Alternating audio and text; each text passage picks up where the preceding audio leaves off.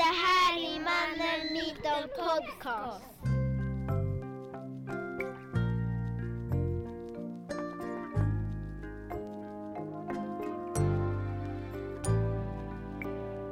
Det här är Mannen Myten Podcast.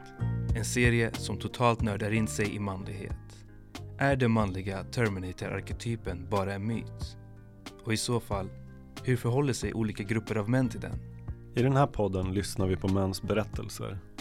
Med hjälp av de smartaste tänkarna vrider och vänder vi på mäns erfarenheter och försöker förstå sambandet mellan det personliga och det strukturella.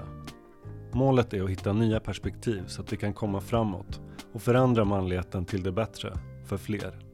Jag heter Shaba Ahmadian och är den ena av två programledare.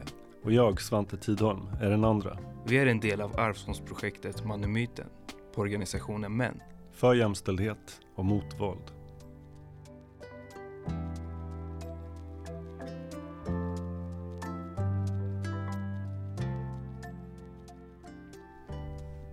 Jag försöker skriva en inledning till det här programmet och min dotter Nila springer runt och kaosar.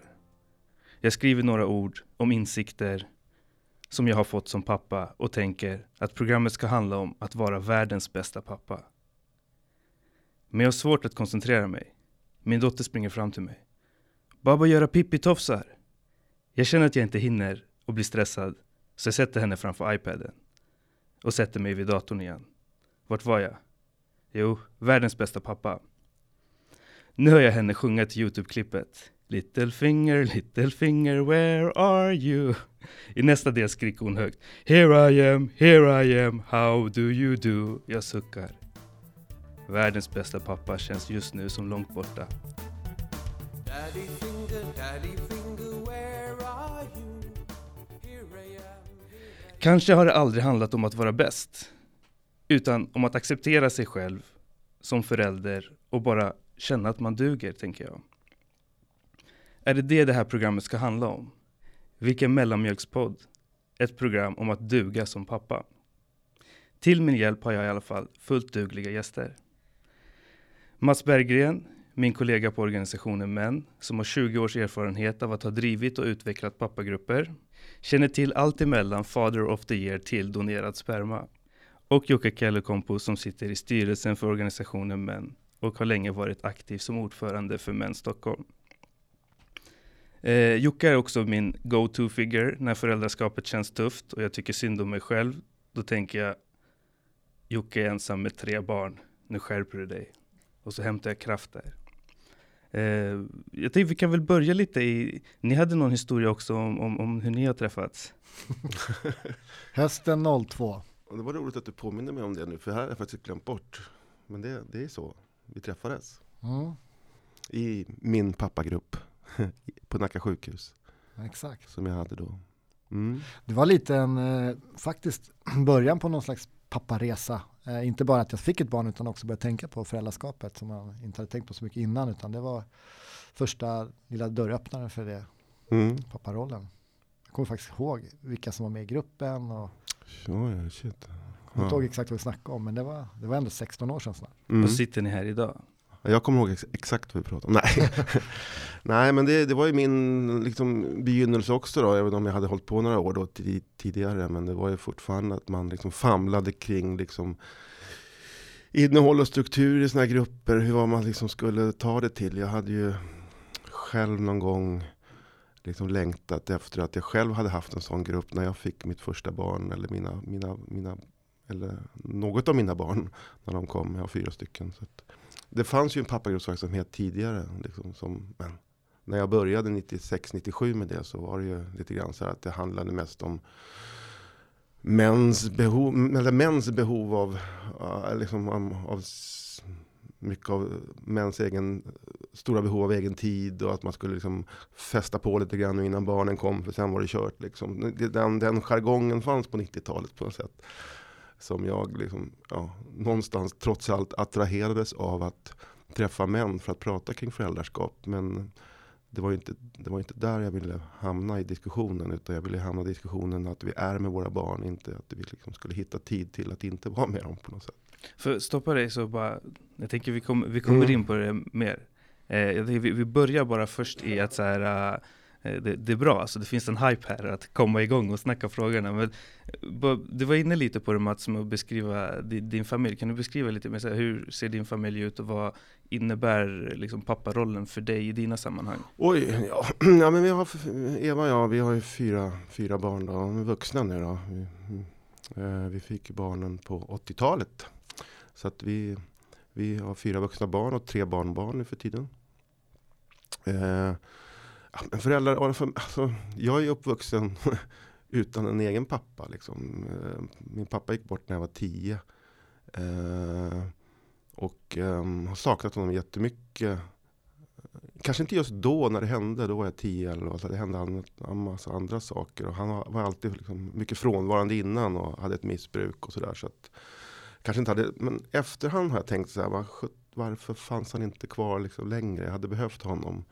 Så att jag har ingen egen pappa som förebild. Så mitt föräldraskap tror jag, det, det har varit liksom mycket att min mamma tror jag har varit min förebild. Och ensamstående och drog det här liksom, fick dra det här lasset. Som, jag vet inte, men jag känner att hon, hennes ovillkorliga prioriteringar av familj och Liksom, ingenting, liksom man ska sträva efter att utplåna sig själv på något sätt som jag kanske tycker att hon har gjort många gånger och bara ägna sig åt sin familj. Men hon har varit ändå en, en stor förebild för mig att vara som förälder. Jag vet inte, jag tror inte jag har liksom lyckats komma upp i hennes dimension. Men jag har ändå haft henne som en förebild. Vad tänker du då Jocke? Om? Beskriva din, din familj och vad papparollen innebär för dig i dina privata sammanhang. Eh, ja, men jag har ju tre barn och jag lever inte med någon av, det är två olika mammor. Eh, jag lever inte med någon av dem. Så jag är ensamstående varannan vecka och singel varannan vecka. eh, papparollen, jag har ju också levt med en ensamstående mamma. Jag har inte haft någon pappa hemma. Min mamma träffade en man sen jag var nio och de lever fortfarande ihop.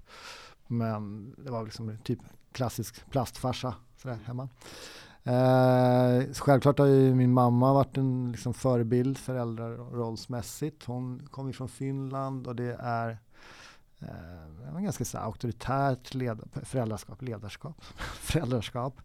Eh, vilket jag tycker om. Eh, att det är tydliga regler.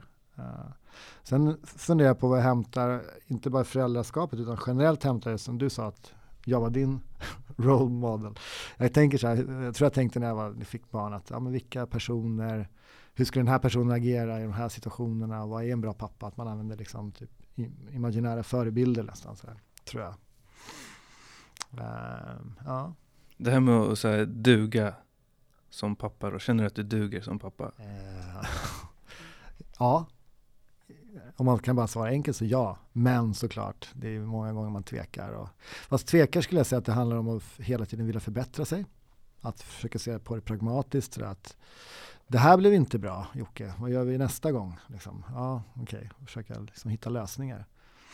Det är rätt mycket min personlighetstyp tror jag, men också det är, ju, det är liksom rätt trist att bara gå och slå på sig själv hela tiden. Mm. Eh, Det blir roligare om man säger, nej men nu lämnar de i morse på skolan och det känns inte bra, vad gör vi i eftermiddag? Och det gör vi så här. Liksom. Så Men är, är det det man gör när man, när man försöker vara världens bästa pappa? Så går man och slår på sig själv och så kan man inte känna att man, man duger. Nej, men nej, jag, jag gör ju inte det, tänker jag. Jag slår på mig en gång och så säger nej men nu får det bli bättre i eftermiddag. Liksom. Eh, världens, jag tror att det blir aldrig, de växer ju också, de är, nu är tre, de är olika, helt olika på något sätt. Och de växer det är olika faser, så du kan ju aldrig, så här, det blir aldrig ett status quo, nu blev jag världens bästa pappa, utan nästa dag är det ju nästa trotsålder eller nästa utmaning, liksom, eller problem i skolan. Vad känner du då Mats? Alltså, det är så svårt, alltså, världens, eller Att duga som förälder? Att duga, ja. Man har väl alltid på något sätt när man har barn känner jag, har man inte alltid lite gnagande dåligt samvete liksom, Ja. på något sätt. Och, och jag kan känna så att ett, ett betyg liksom, eller en, en indikation på att man ändå har duger på något sätt. Det tycker jag det är när de, det är när de kommer till en. När de liksom på något sätt tyr sig till den på något sätt. Det kan vara vilken, många olika situationer. Att de är ledsna eller att de vill bara komma. Ibland så där, kommer de och kryper upp i famnen. Jag tänker, wow, så här, nu kom de till mig. Så där. Jag har alltid, även om jag känner att vi, Eva och jag har delat på väldigt mycket så här. Så har det ändå varit hon som har varit hemma väldigt mycket i början och sådär och fått den här mm, första anknytningen liksom som jag fick kämpa lite grann för tycker jag. Då. Det, var, det, alltså, det, det vart ju så på något sätt. Och det, så man har alltid fått liksom, jaga lite grann kring det. Och så, så fort man får en bekräftelse på att man, man är någon som betyder någonting för dem så känner jag att ja, men, då har man ju ändå funnits där. Och, trots att man kanske tyckt att man kunde ha varit där mera. Ja, jag tycker det är jättesvårt. Det, det är klart att man good enough liksom, att man ska tänka så. Men man vill ju alltid ha vill ju lite mer hela tiden. Men det är väl typiskt föräldrar. Eller jag vet inte, vad säger du? Då? Men det var väl jag var inne på. Att, Ja. eh, det finns alltid någonting att förbättra. Ja, ja. Och de växer. Och det blir nya, nya utmaningar hela tiden. Men att få barnen att funka, att de liksom att de leker för sig själva, att de liksom kommer när de behöver hjälp eller att de är schyssta mot andra. Då men då har man ju ändå fått dem att funka. Då ska man väl vara nöjd på något sätt. Mm. Nämn några, du, nu, nu, nu, började du nämna lite så här, nämn några fler så här, vad, vad brukar ni göra med era barn? Eh, Eller vad har, nu för tiden, nu förstår jag, du har ju vuxna barn. mm, mm. Men vad, vad brukade du göra med dina barn? För mig var det väldigt så här, mm, viktigt också att, att ha barnen med i vardagen. Att inte bli den här farsan som bara kom hem på kvällarna och kittlade dem och latchade med dem. Och, tyckte liksom, och på helgerna ut och laja. Det gjorde vi också. Men jag tänkte att jag hade mera mycket i vardagen också. Tog med dem till jobbet när jag jobbade helger. Och så här, lördag jag jobbade som skomakare. Så jag hade ett skomakeri som var öppet på lördagar. De tyckte det var hur kul som helst att vara med mig på verkstaden eh, på lördagarna när de var lite, alltså från att de var tre, fyra, fem år så kunde de hänga med och sitta med en liten hammare och eh, ha, ha med dem liksom i vardagen på något sätt. Vad känner du Jocke? Vad brukar du göra med dina barn? Eh, nej men att ensamstående är ju, eh, det är ju ett närvarande föräldraskap. Det är, ju- det är saker som ska göras hela tiden. Eh, och då, det, där tror jag att det är lite tvärtom. Att det Mm. dåliga samvetet handlar nog ja, mest om att, inte le, att jag inte hinner leka så mycket med dem. Eh, det är ju, nu är det de det är 15, 10 och 7. Och det är läxor på de två stora rätt mycket som man måste hjälpa dem med. Och så ska diskas och det ska pl- plockas bort och det ska tvättas och sådär. Så ja, men, men om man ser det som också det är det det är. Att vara förälder. Ja, Att vara är där. det inte det det är? Mm. Ja, man, man, man Större. ser någon film och så är det så gulligt. De sitter och kramas. Bara, det där gjorde jag inte igår. Måste jag, måste jag krama lite på dem så att Mm. de känner det också. Mm. Sen kan man ju kramas i en vardag också. Att man liksom så här, kom här i köket och bara rufsa om någon och kramas lite. Liksom. Eh, sen är det ju aktiviteter rätt mycket. Liksom. De är fortfarande två små ska skjutsas. Då är man ju med och kollar på träningar eller hänger med dem. Liksom, diskuterar hur det går i lagen eller sådär. Jag tränar också minstingens fotbollslag. Ehm, och helgerna är det ju, nu har jag börjat den, den här vintern känna så här, "Nej, men åh vad skönt, inget planerat i helgen, då bara landar vi liksom hemma. Också rätt skönt. Mm. Att så här, vad ska vi göra? Jag vet inte, vad är det för väder? Liksom. Kolla ut genom fönstret, ja vi kan gå ut. Så här. Eller inte. Så Mm. Det är rätt skönt. V- Vart ligger utmaningarna då? Jag tycker att det, det finns det här ordspråket, eh, små barn, små problem, stora barn, stora problem. när de kommer hem från plugget och de gråter för någon polare är taskig. Liksom. Och sen när de blir, min dotter är 16 snart, hon liksom, är ju vuxen, eller hon är väldigt stor. Eh, hon är inte vuxen men hon har en utvecklad hjärna och har riktiga problem. Liksom. Mm. Som jag då så här, okej, okej, då försöker man prata om det. Och det, det tar rätt mycket på ens energi och psyke själv. Mm. Det tror jag är svårt. Lite så här blöja och skrika på natten, det känns nästan, det var ju rätt enkelt. Eh, så att, eh, och uh, något annat som är svårt tycker jag, det är också att nu hon växer ifrån mig. Det har också börjat märka att hon nu på riktigt så här, tar avstånd liksom, och blir en vuxen person eller mot vuxenheten. Hur jag ska hantera det och så här hur, ja det finns massa saker att prata om. Där. Du, Alltså jag, jag tänker, eller jag är nog precis tvärtom tror jag. Alltså. För jag tänkte att när barnen, jag har blivit bättre, eller bättre farsa själv tycker jag, ju äldre barnen har varit. Så att under deras tonårsperiod var jag, var jag en riktigt bra pappa tycker jag.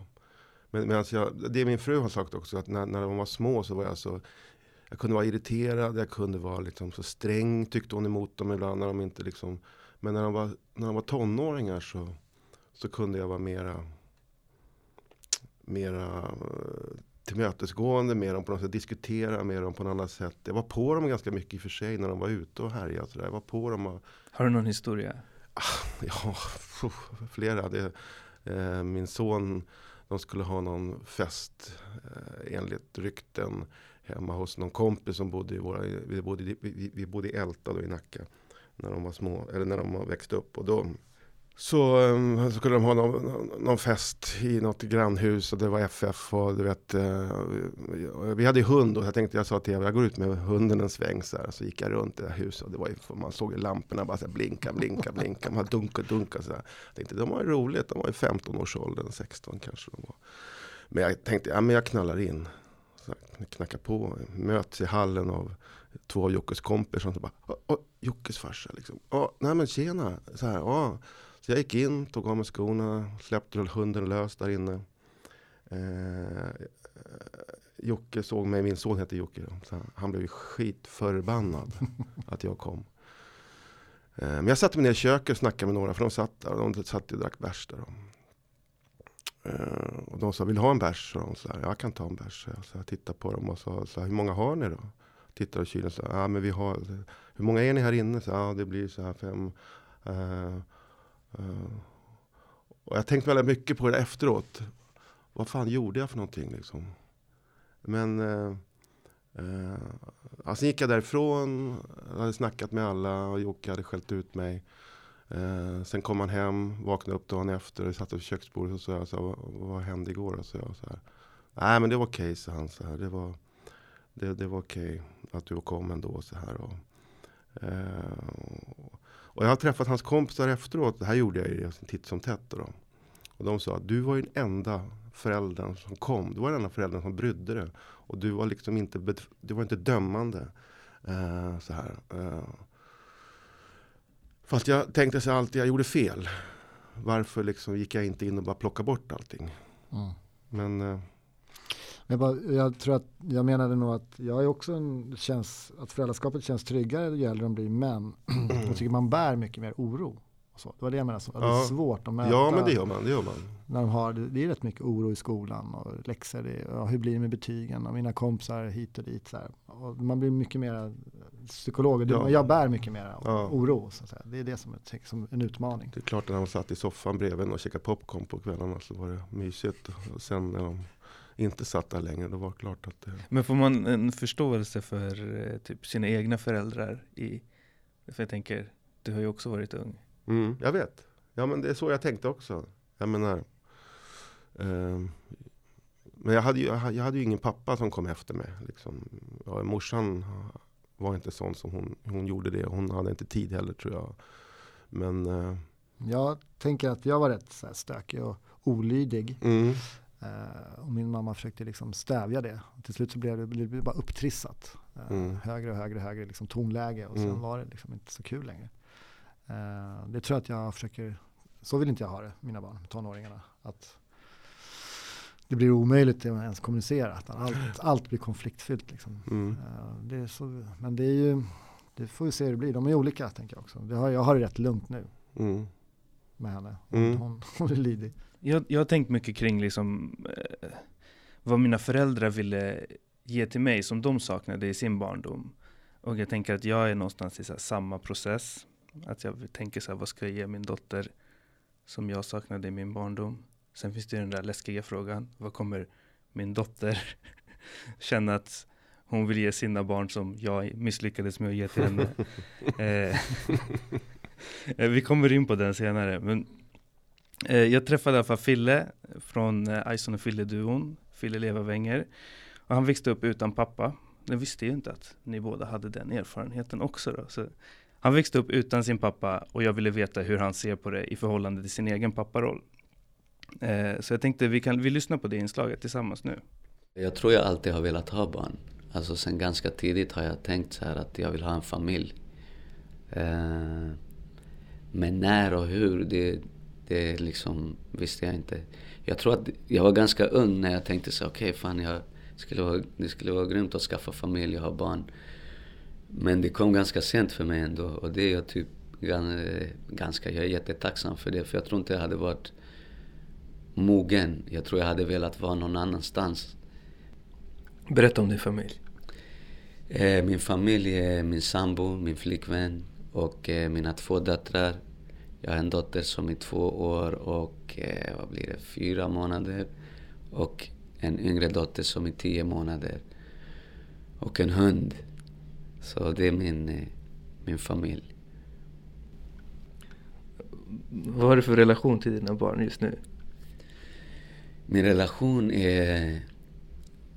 Jag skulle säga att vi har en bra relation. Jag, jag kan inte se mig utan dem. Och det är typ det, det finaste, det vackraste och det jobbigaste eh, och tuffaste som jag liksom har. Men eh, vi, har, vi har en bra relation och den liksom stärks för varje dag. Och min äldsta dotter har börjat prata lite. Och det är liksom... Ja, det, varje dag är liksom en, en, eh, en, ett nytt äventyr på något sätt. Man lär känna varandra mer och de utvecklas. Och jag lär mig förstå dem bättre och, och sådär. Och så rullar det på. Vad, vad vill du vara liksom för... Om, om du tänker så här, men vad vill jag vara för pappa? Jag vill vara en trygghet för dem. Jag vill att de ska känna sig trygga med mig, alltså vart de har mig. Och att de ska känna att de har backning. Och att de ska våga. Och eh, alltid känna sig att hela världen är för dem liksom. Det finns inga platser där, där de ska känna att de inte får, får ta plats i. Eh, och jag, jag försöker bättra mig varje dag för att, för att visa för dem att de ska våga också liksom. Lite så. Er- Erfarenheten av att bli en pappa, har det liksom så skapat någon form av så här förståelse för din egen pappas så process? Mm. Nej, när jag själv blev pappa då blev jag typ... Jag har aldrig så här... Jag har haft eller känt agg mot min pappa att han inte var där. Eller att han du vet, så här, besökte oss eller att vi inte hade honom i våra liv. Men när jag fick barn så tänkte jag shit, hur kunde han välja bort det här? Typ. Okej, inte att han valde, du vet, det var speciella förhållanden. Det var liksom, vi lämnade ett land, det var oroligt där. Eh, de var ganska unga, så det var ju mycket som spelade in. Men jag, när jag själv fick barn, då kunde jag... Då fick jag mindre förståelse för min pappa och hans val och liksom att han inte fanns där för oss. För jag skulle aldrig kunna, kunna lämna mina barn och inte finnas i deras liv. Det skulle ta på mig. Jag skulle liksom inte kunna leva med mig själv. Eh, om det var mitt val. Till och med ifall det inte var mitt val så ska jag liksom kämpa för att för att vara där på något sätt. Så nej, faktiskt inte. Men jag har fortfarande inte... Det, jag kan inte sätta mig in i hans situation och, och sådär. Men, men nej, det, det är svårt alltså. Men har det gett dig någonting? Alltså jag tänker så här. Har det gett dig någon drivkraft i att så här, vilja vara en bra farsa? Det tror jag. Det tror jag mycket. Alltså väldigt mycket. Eftersom jag själv inte har haft en pappa. Men det, också, det har också varit svårt. För liksom, vad är en pappa? Hur är en pappa? Eh, vad förväntas av en pappa? Liksom. Men... Eh, ja, det är väldigt mycket sådana frågor som jag... Jag kanske inte tänker på dem supermycket, men de finns väl där. Eh, sen hur fungerar en familj? Alltså med, med en mamma och pappa eftersom jag inte har, är uppväxt med det. Sådana frågor kan, kan dyka upp. Typ. Och men är är det här, är det här typ bland första gångerna du pratar lite så här djupare om att vara en pappa med en annan man? Eh, ja, det tror jag överhuvudtaget tror jag. Alltså just vad det innebär, vad en papparoll innebär för mig. Det är väl inte ofta jag ställs den frågan överhuvudtaget eller så här, pratar om det. Allt går så snabbt. Mitt liv går så snabbt alltså. Det är typ vakna, barnen, jobba någon timme, hämta, få dem att sova, jobba någon timme. Du vet, det, det finns inte så mycket tid för reflektion för mig just nu. Så man bara kör i den här tornadon av, av allt vad det innebär att vara en förälder. Så, då, så ja, det, det är en av de första gångerna tror jag. Men är det så, känner du att ibland så här, rent allmänt som man att det inte finns så mycket eh, krav på en som pappa? Jo, alltså det där är hundra procent. Folk kan ju säga bara för att jag är med barnen, typ så här, wow vilken bra pappa du är. Eller säga det till min flickvän. Så, ja, är du här? Vart är barnen? Liksom, ja, de är med sin pappa. Som att det skulle vara en grej, du vet. Och jag är ju borta och jobbar och åker och det är ingen som frågar mig så här, vart är dina barn? Så här, kommer du själv, vart är dina barn? Men ja, alltså det finns inga förväntningar på en pappa, har jag känt. Så, så, alltså utifrån. Så det krävs väldigt lite för att vara en bra pappa i, i andras ögon. Har jag känt. Det som är roligt, vi kom på sen när, han var, när jag hade stängt av eh, att vi båda tror att erfarenheten av att ha haft hund har gjort oss till bättre Mhm. farsor. Liksom, Mhm. Mm. tror jag.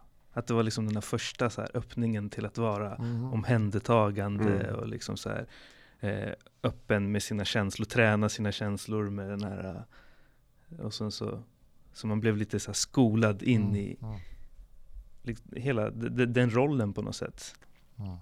Eh, men han pratar ju här om eh, att det är första gången han eh, pratar om vad papparollen betyder för honom med Mm. någon annan. Är det, är det vanligt, Mats? Ja, jag tror jag är jättevanligt.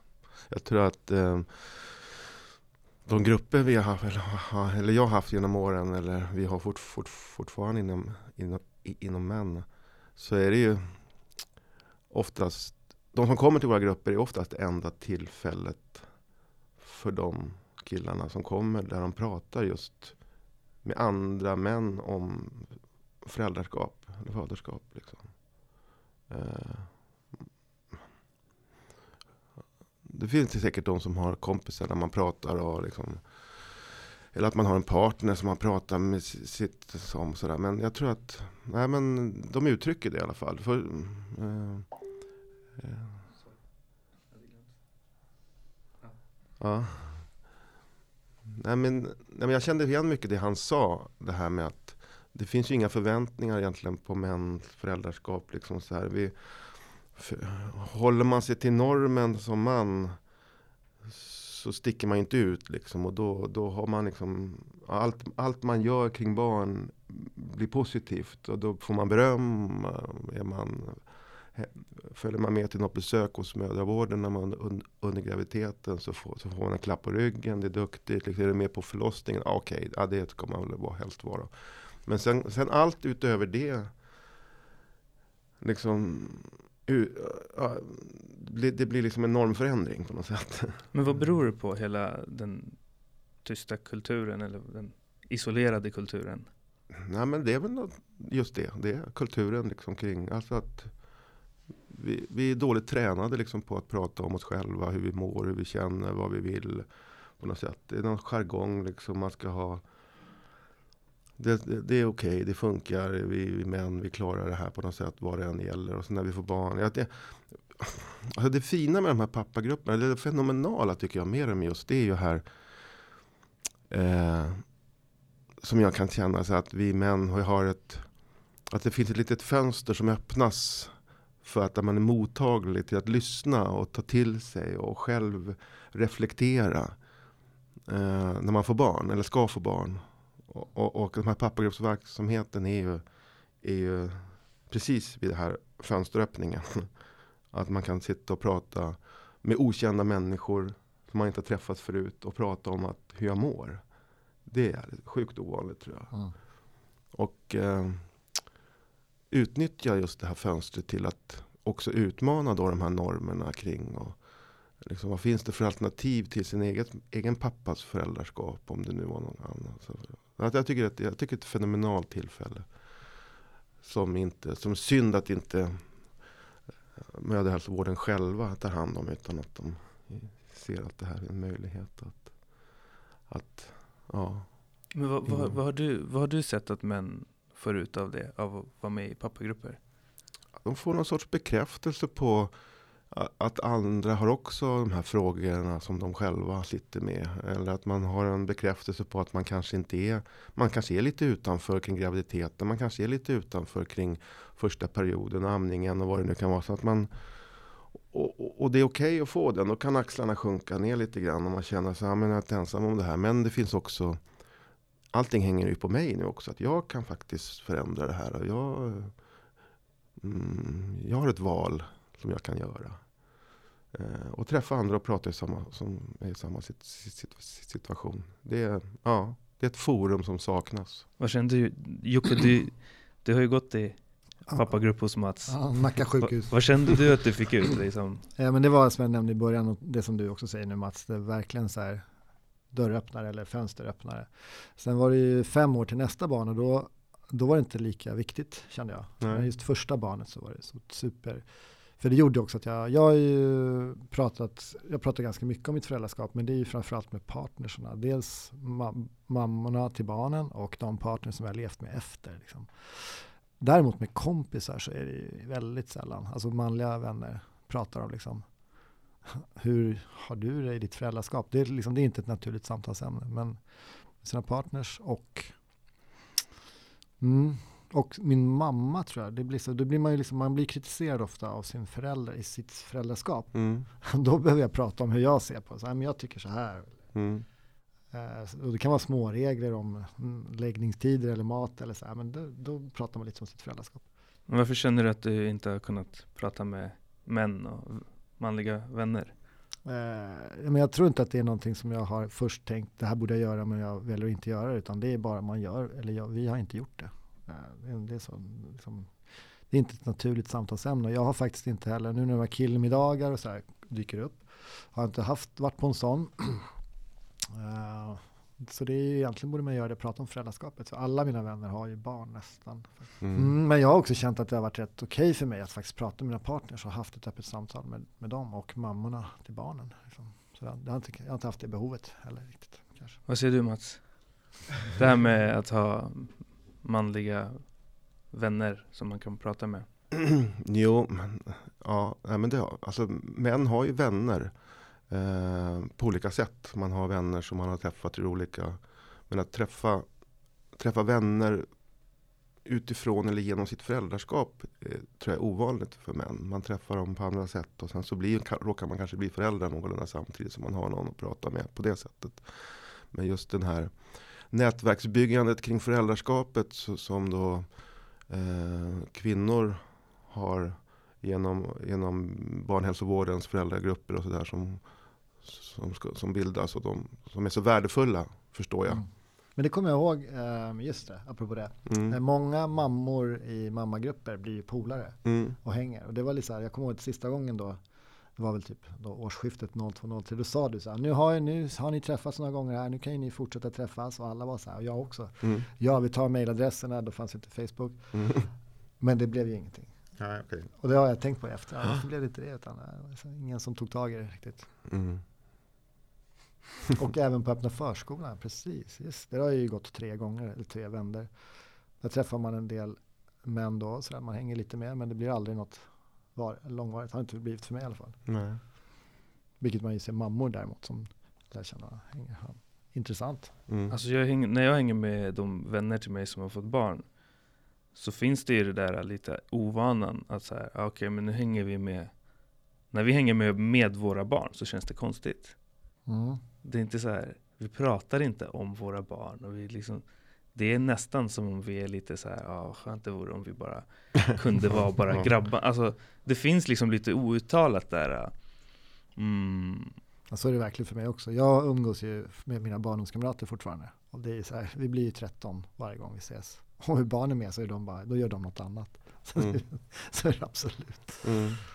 Men han nämner också det här med, Fille var inne på det här med låga förväntningar. Eh, att så här, men det förväntas inte så mycket av oss män.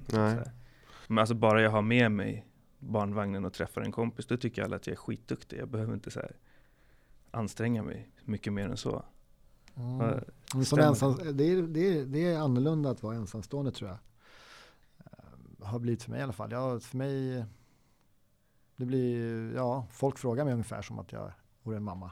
Vad är barnen nu eller hur mår barnen? Det blir väldigt mycket sådär sociala frågor kring barnen. Eh, Mm. och Det, det är intressant. Eh, Det tycker jag är kul och helt naturligt. Liksom. Mm. Men jag tänker bara på, bara på den grejen att, så här, eh, att, att jag kan ha dig som en sån så här, förebild att så här, han är ensam med tre barn, nu liksom skärper du dig. Alltså, Men jag Mm. vet ju ingenting om egentligen om hur du är som farsa. Det räcker bara med att veta att du är ensam. Du bara så här, han är superman liksom. Nej, men vi, vi, vi klarar allt. Människor är otroliga. Det är Mm. verkligen så. Eh, Mm. vi kan, jag skulle kunna ha 20 ungar. Alltså, eh, tror jag. jag vet. Så det, det går. Det är inte, men eh, man hittar system och ja. Man blir mindre och mindre lekfarsa ju fler barn man får. Så lär det Mm. vara i alla fall. Vi hade ju, när jag, min inledning till att jobba med, med, med pappagrupper för 20 år sedan var ju att vi, vi jobbade som jourhem, vår familj, under fem år. Eh, var vi hade 16 barn placerade hos oss. Inte, inte samtidigt. Då. Men de- under de här fem åren. Men en, en placering var tre syskon. Eh, sex, åtta och tio år. Och de skulle vara några veckor var det sagt. Under en utredningsperiod på kort. Men de var stannade i 11 månader. Så hade vi sju barn hemma under 11 månader. Eh, Då, då, då jobbade jag för sig heltid med det då. Eh, och, och, det var ett råddande skjutsningar i skolan och sådär. Och liksom omlaga mat och fixa kläder. Och sen det här sociala liksom, kring de här tre barnen som hade vuxit upp då i ett ganska stökigt hem. Där mamma och pappa hade miss, missbruk och sådär. Men jag började, alltså den här Alltså så att man klarar det. Alltså, vi tyckte det Mm. lät sig sjukt jobbigt att de skulle stanna så länge. Då. Men det var ju jättemysigt sen när de gjorde det. För att det var ju fina ungar. Har ni sett programmet på tv? Vad heter de? Annorlunda, familjen Ja. annorlunda. Ja, just det. Ja. Men den där, de där 16 barnen som bodde hos oss, de saknar ju pappor allihopa. Det var ju det som fick mig att starta det här, liksom, börja det här. Jag fattar inte hur vi män liksom kunde försvinna kring våra barn. Jag hade ju sett min egen pappa, fast han hade ett missbruk och han eh, dog ju tidigt. Så att jag menar, men de här andra som fanns där ute någonstans och hade sina barn. Jag fattar inte hur de funkade. Så jag ville ju, jag ville ju jobba med de här grupperna för att liksom träffa män och prata om föräldraskap. Och liksom att det är någonting som inte kommer av sig själv utan vi själva måste, herregud, ta, tänka kring vårt ansvar kring det. Då. För vår egen skull. Liksom, för vi, skulle vi skilja oss så vet vi att vi har svårt att få att det är lätt att tappa kontakten, eller det var det på den tiden i alla fall. Så är det inte riktigt längre, men det var det. Det, tiderna förändras, det har ju Mm. blivit bättre. Mm. Eh, om man tänker tillbaka på min barndom så var det ju liksom nio av tio Eller hur? hade ju Mm. något problem med sin farsa. Ja. Nu, nu kanske jag tänker utifrån medelklassperspektiv, perspektiv, men de flesta pappor jag känner vill ju vara där. Och, Mm. liksom. Så det blir bättre. Sen finns det ju såklart fortfarande. Men det var ett, ett, ett begrepp som man liksom handsk, alltså frånvarande pappor var någonting som man, man liksom slängde lite över. Ja, det är klart, det vet män, de försvinner. Så, här, det var, så är det ju inte längre nu, då blir det en sossanmälning. Liksom. Men då, då var det lite grann så. Och det var väldigt, ja, jag tyckte det var väldigt märkligt. Så det har hänt otroligt mycket på de här ändå 25-30 åren som, som jag har varit förälder. Men hur, hur viktigt är det att man har eh, manliga förebilder eller en fadersfigur när man växer upp? Ah, det finns ju studier på det om man ska se det så. Att det finns forskning på som visar att barn som växer upp med, med ah, ja, minst två föräldrar. Den behöver ju inte kanske vara en man men det är många, de flesta fall så är det en man och en kvinna. Och då ser man ju att de barnen som har haft närvarande föräldrar, två stycken, så har man sett att de har, deras utveckling har varit positiv. Både socialt och liksom, Och att man har fått en, en uppfostran där det går att göra saker på olika sätt. För att människor är olika. Inte bara för att man är man och kvinna utan det är två individer som har varit omsorgstagare till mig. Och de har gjort lite, lite olika sätt. Och då har man, så det har man ju sett. Sen tror jag att, att vi män har ett jättestort ansvar kring, liksom, inte bara förebild utan vara, vara människor kring våra barn. Som visar att män är liksom schyssta och kan eh, vara, vara som vem som helst. Och det, det tror jag många saknar. Men hur, hur gör man rent praktiskt då? Om man tänker att så här, ja, men kvinnorna står ju fortfarande för den största delen av Mm. föräldraledigheten. Mm. Och liksom, Mm. Hur går vi vidare med att... Ja, nej men det, är- det är sjukt pro- problematiskt tycker jag. Att vi har en föräldranorm där 75% av, av, av föräldradagarna tas ut av kvinnor. Att 80% av det obetalda omsorgsarbetet utförs av kvinnor. Det är sjukt och inte okej heller att vi har en perinatal vårdkedja, det vill säga MVC och BVC, som uttrycker år efter år att man har svårt att nå pappor. Mm. Jag tycker att vi vet idag att psykisk ohälsa och ojämställdhet häng, hänger ihop. Och effekten av det blir ju dubbelarbetande småbarnsmammor. Det blir ju så. Och det är ju väldigt mycket en klassfråga. Ja, det är möjligt. Jag men, tänker bara så massa aspekter. Arbetarklass, alltså typ busschaufför eller så här, ren, sån riktig fabriksarbete. har ju inte fria arbetstider eller vad heter det, vobb, kan inte vobba. Nej, Och då Nej, blir det ju, det låser ju fast rätt mycket. eh, I att pappan liksom tar den här, men då kör jag mitt bussjobb liksom, och du får du köra där. Det är, klassen är ju superviktig i det här. mm. Och jag vet inte hur det ska förändras men det är ju lagstiftning kring eh, föräldraskap och, liksom, och sådär, vad vet jag.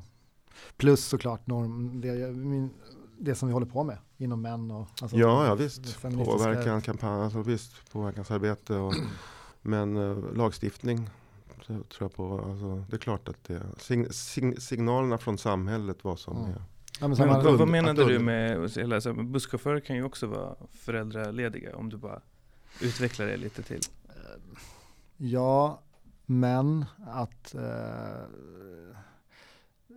busschaufför kanske inte var det bästa exemplet. Men, ta, jo, men jag tänker ändå fabriksjobb och andra jobb där det är liksom rätt hårt tryck på arbetaren. Eh, och en, kanske en rätt normativ eh, arbetsplats. Det är så att män, liksom, det här, aha, ska du vara ledig? Liksom, och det blir ett sånt snack. Ehm, eh, det, och det andra är ju små entreprenör, alltså eh, heter det, enskilda firmor som driver något. Liksom väldigt svårt att ta ledigt. Eh, och så, ja, men jag gör det, jag, när, man får, när de, den typen av män får barn, så, ja, men jag, det där löser sig nog efter tiden, så blir det inte så. Man liksom låser fast från början i att mamman är hemma hela tiden. Och så. Ja, men jag är ledig lite på sommaren och sådär. Sådana där grejer. Det Men det där jag, är spännande för då pratar vi både om, liksom, alltså om vi ska prata klass så pratar vi både om så här, de faktiska möjligheterna och de normmöjligheterna. Vad vi Mm. har för slags kultur, inom, Mm. liksom, att det är mer okej inom medelklassen att ta föräldraledighet. det, så är det verkligen. Och jag tänker, och på samma sätt är det överklassen är lika normativ. Och, alltså riktiga businessmän, de tar inte heller ledigt. Utan det är vi, vi medelklass dudes som Mm. har möjlighet och framförallt så, ja, med arbetstider. Sen, sen kommer nästa steg, för dels är föräldraledigheten en del. Men sen tänker jag, när de börjar på dagis och så. Eh, har man ett sånt jobb som jag har som har fria arbetstider och liksom man kan vobba, ta med barnet på jobbet så här, då, då blir det naturligt att man kommer in i föräldrarollen på ett helt annat sätt än om man är mycket så här, striktare, står vid ett löpande band eller någonting. Och du vet, om du lämnar det här löpande bandet nu, då kommer det fallera, du får inte, liksom, man får knappt vara sjuk. Så här, det, det, det påverkar mycket. Har jag känt att jag är så fri? Jag, det kan jag vara rätt glad över. Så här, jag kan, de ringer liksom, ah, lite ont i huvudet, ja men det är lugnt, jag hämtar dig. Så här. Man kommer in i den föräldrarollen, och det är så här, mycket enklare. Hur, hur ser det ut i pappagrupperna då? Är det, en, eh, är det ett medelklassgäng? Ja, det kan man nog säga att det är. Vi, just nu så, så har vi inga egna liksom, projektpengar i män så att vi kan jobba själva med verksamheten och välja var vi vill jobba. Utan nu, nu blir vi erbjudna tjänster och det är oftast de här medelklassområdena eller höginkomsttagarområdena också. Så att vi får, men eh, jag, jag, jag, kan, jag kan sitta så här ibland när vi har grupper och komma på mig själv att vi sitter och pratar ett gäng föräldrar, vilket vi är då, då allihopa, om omständigheter runt omkring oss som, som gör det svårt för oss att vara med våra barn. En diskussion som jag inte tror kvinnor har när man pratar kring sitt föräldraskap. Utan män har någon sån här lyxig valmöjlighet. Att liksom, ska jag vara föräldraledig eller inte? Att vi kan diskutera, mm. med mitt jobb, vet jag har mycket kunder som är svårt. Så här, jag kan möjligtvis vara hemma på tisdag eftermiddag. Så, eller vi sitter, och jag sitter med ibland så här och till slut så får, liksom, ibland går i proppen. Liksom, då blir jag så här, men vänta, vad är det vi sitter och pratar om nu? Liksom? Ja, fast, eh, jag tänker så här, män ska inte vara rädda för att förlora sitt jobb för att man är föräldraledig. Man ska vara rädd för att förlora sin familj om man inte är föräldraledig. Det finns så mycket statistik kring skils kring skilsmässor och vem som tar initiativet till skilsmässor. Sju av tio så är det hon. En av de vanligaste orsakerna att han jobbar för mycket. Liksom, när ska vi lära oss? Men om man tar ett klassperspektiv på det och arbetslösheten. Har man ett jobb och är fattig. Ja. Då är, det, då är det inte lika lätt Nej. att välja den grejen. Nej, att, nej absolut. Full, full respekt. Liksom. Jag kan, jag, jag, det, ja, men, Men jag tänker på den grejen som Fille var inne på lite på, i inslaget också när han sa så här, men att det inte bara var liksom det kulturella, att han inte har talat med någon, men han har också känt att så här, men i, i det här att han aldrig har någon tid att prata med någon. nej. Eh, är också så här, de, den grejen är liksom så här, alltså, att vara eftertänksam, är det också en klassfråga? Att så här, men jag har inte tid att så här, känna efter som en arbetarklasspappa. Och sitta Mm. och tänka och prata om hur jag känner med andra pappor. Mm. jag tänkte, hur gamla var barnen? Två och Han, han var inne på något annat, att det var liksom att han inte haft tid att reflektera kring att han har små barn. Precis, jag, tror, men jag jag, tror faktiskt att det är tänkte- sant. För nu, och du har öppnat en liten dörr. Och nu blir barnen äldre. Nu börjar hans tänka på sitt föräldraskapsresa. Det är ingenting som snyter sig i näven så att säga. Det är Nej. någonting som man växer in i. Som, ja, apropå om det här med hundar och det. Vi, vi lär sig ju inte att vara omsorgspersoner. Eh, Vi lär sig att vi ska göra bra, först bra i plugget, sen ska vi på universitetet sen med bra jobb. Liksom. Det är det viktigaste som vi lär oss. Inte så här, hur blir det? Liksom. vi leker inte med Nej, dockvagnen precis. eller lagar mat. Eller det, vi är liksom aktiva på Ja. andra sätt. Sen kommer ungen och bara, åh just det, det var det här också. Just det, föräldraskapet. Mm. Det kommer som en käftsmäll på posten, liksom. man är inte beredd på den. Eh, Men hur kan, man, hur kan man göra då för att bli beredd på den? Vad, vad, kan man, vad, vad behöver vi göra för så här kulturförändringar? För att inkludera män, för ofta är män liksom, eller man känner sig som den andra föräldern redan från början. Att det är inte bara jag och mina föreställningar, utan det är också hur det här systemet är byggt och behandlar mig. Vad heter 10 000 kronors fråga? Det. Gå i pappagrupp. Ja. Nej men ja. Får man, man, jag tänker att vi, det är någon typ av resa. Mina barn kanske kommer bli lite bättre så deras barn blir ännu lite bättre och påverkar varandra. Ser det som någon slags process eller så här, vad kallas det? Flodvåg eller ringa på vattnet. Jag vet inte. Men hela den här kulturen kring liksom att, att, vi, att vi skaffar barn och vi bildar familj. Jag, menar, jag kommer ihåg när, när vi fick vårt första barn. Jag menar, min fru var inte förberedd heller. Liksom, hon hade gått, varit, varit gravid. Men uh, på något sätt när, när vi fick barn. Vi hade varit föräldrar lika länge. Men på något sätt så, så hade hon tagit en annan roll. Hon hade blivit förberedd på ett annat sätt från andra. Jag vet inte. Men det var något, ja, själv så blev man ju en sorts assistent i början. Som man var på något konstigt den här rollfördelningen hur vi gjorde. Men egentligen var det konstigt. För vi var ju precis lika färska båda två. Att det finns någon sorts, liksom så här, nu, nu ska vi få barn, vi är gravida. Varför förbereds vi inte på samma sätt? Varför, varför ses vi inte som lika viktiga? Ur ett barnperspektiv är det bekymmersamt. Eller hur? Så den, hela denna, liksom, den kulturen. Och, Men sen är det ju faktiskt så att under de här första, det, det det här första halvåret, året nästan, så, så är man ju lite, alltså så här, sekundär. ja, Att, ja, fast, det, ja, fast det på vad menar man med det då? Alltså, alltså, ja, men att liksom så barnet är i behov av sin mamma mer än mig. Att jag får göra liksom andra grejer runt Mm. omkring. Att, mm. att, att, att ha tålamod är ju så här sjukt svårt i det. Att så här, ja men det kommer sen. Ja, liksom. din tid kommer sen. Ja. Men det är klart att om barnet ammas så är det klart att den perioden så, i alla fall matmässigt så har man inte så mycket att ge då. Men det finns ju så mycket annat känner jag runt barnet som man ändå skulle kunna fungera och känna sig betydelsefull kring och inte utanför.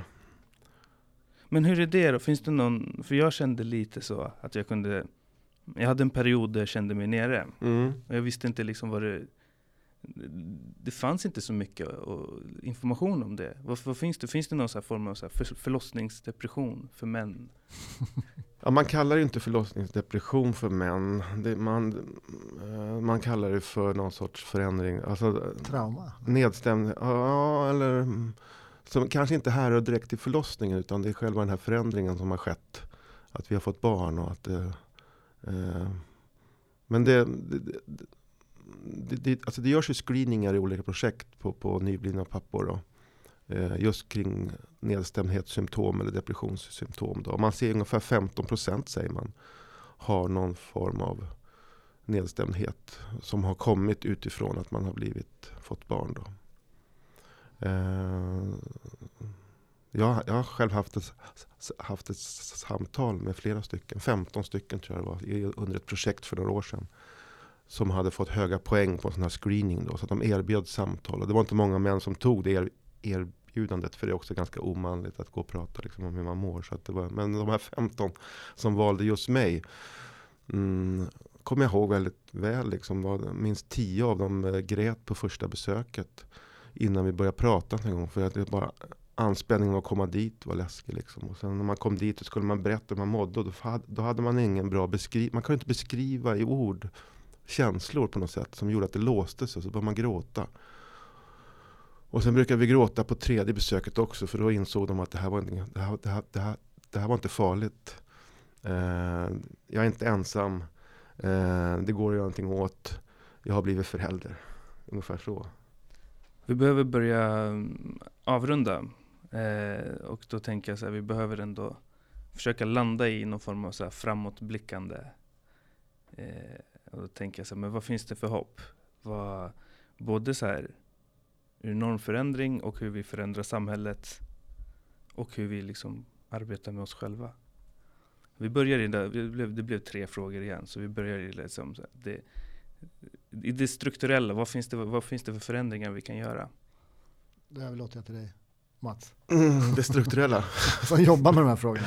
Det strukturella handlar ju, tycker jag, precis om den här apparaten kring barnafödande idag. Liksom allt ifrån föräldragrupper, innehåll, och mottagande, bemötande kring mödrahälsovården, barnhälsovården. Vi ska inte, vi ska, vi, vi ska inte skuldbelägga dem liksom allt för mycket. Att de, för de består av 90% kvinnor som jobbar i den där branschen. Att skuldbelägga kvinnor för mäns jämställdhetsarbete, det har vi gjort så jävla många gånger genom åren. Så det tycker jag att vi ska Sluta vi. det ska vi sluta med. Utan det handlar ju om att männen själva, pappagruppsverksamheten är så skön på det sättet. Att det är män som möter män och tar ansvar själva för sitt jämställdhetsarbete på något sätt som jag känner att man kan styrka den verksamheten. Men, eh, nej men ja, mm, men ett mer jämställt föräldraskapsstöd idag eh, än, vad vi har idag behövs. Jag tänker också skolan faktiskt. Jag tänker den här, apropå, jag, inte, jag fick den här work-filmen som går nu, The Work, om eh, män som växer upp, upp utan pappor. Om skolan ändå tar, alltså pratar om föräldraskap för män också tidigt, man planterar det liksom där. Alltså när det fönstret börjar liksom redan lite på glänt tidigare. Så utbilda lärare och utbilda för att man, eh, genusarbete är en sak, det, liksom, det håller ju på att slå igenom ganska starkt. Men i det finns också föräldraskapsbiten i det här genusarbetet. Eller? Mm. Hur, hur gör jag då, om vi tänker en sista så här personlig, eh, om jag är nybliven pappa och jag vill liksom Um, skapa de bästa förutsättningarna för mig själv att vara en pappa. Vad gör jag? För att vara en bra pappa? Jag tycker grunden till en relation, att skapa en relation till exempel då med sitt barn, det handlar om att man hittar tillfällen att vara tillsammans. Så jag tror föräldraledigheten som vi är åtta länder i världen som har den möjligheten, vi är ett av dem. Eh, att inte utnyttja sin föräldraledighet, eh, eh, även om det kostar på eller kostar, så tycker jag att det, det är värt Mm. jätte, jättemycket. Både för dig och ditt, och, ditt, och ditt barn. Så ta den möjligheten. Vi har ju pratat mycket om utmaningar och oro, men jag kan känna att eh, skicka med att eh, det som har hänt för mig de senaste åren, det är ju att hitta den närvaron och känna att man är omhändertagande och att det är en väldigt fin känsla. Alltså man är stolt. Eh, små grejer. Liksom. Jag packade min sons, så här, han ska på utflykt idag, liksom, matsäck. Bara, där stod jag och gjorde igår kväll och hans badgrejer. Han, han har dem i väskan, han går med rak rygg till så här, simningen. Eller till, kände bara wow, det är skönt att vara förälder. Eh, och det kommer ju, det har man inte riktigt som när de är bebisar. Eh, det är mer när de, så här, när de kan signalera med sina ögon att de är glada att, de, att man har hjälpt dem. Och så där. Det, är, det är en väldigt fin känsla. Mm. Jag tänker mycket också kring vad de, hur de hjälper oss. Att jag har blivit, känner att jag har blivit hjälpt att få kontakt med mina känslor. Mm. Eh, att det är inte bara jag som bekräftar mitt barn, utan liksom så här, hon bekräftar ju mig. Och jag blir så självklar i den jag är, för att hon älskar mig för den jag är, inte någonting annat. Mm. Att det finns någon så här Mm. väldigt rent förhållande där man lyfter upp varandra väldigt mycket i Mm. bara att vara med varandra. Mm, exakt. Sen viskar hon någon gång i ditt öra, så här, i pluggen. Det var en, min son gjorde, jag måste bara, en liten berättelse. Jag var, vi får vara med i skolan en gång per termin. så bara kom min son kröpande upp bakom mig och bara, pappa, jag älskar dig. Mm. Va? Va? Var kom det ifrån? det var coolt. Sug i det. Tack så jättemycket för att ni kom hit, Mats Berggren och Jocke Kellokompo. Tack. Tack. Du har lyssnat på ett avsnitt av Mannen Myten Podcast. Vi är en del av organisationen MÄN och är finansierade av Arvsfonden. Podden är producerad av Åsa Secker på Soundtelling. Tack för att du lyssnade.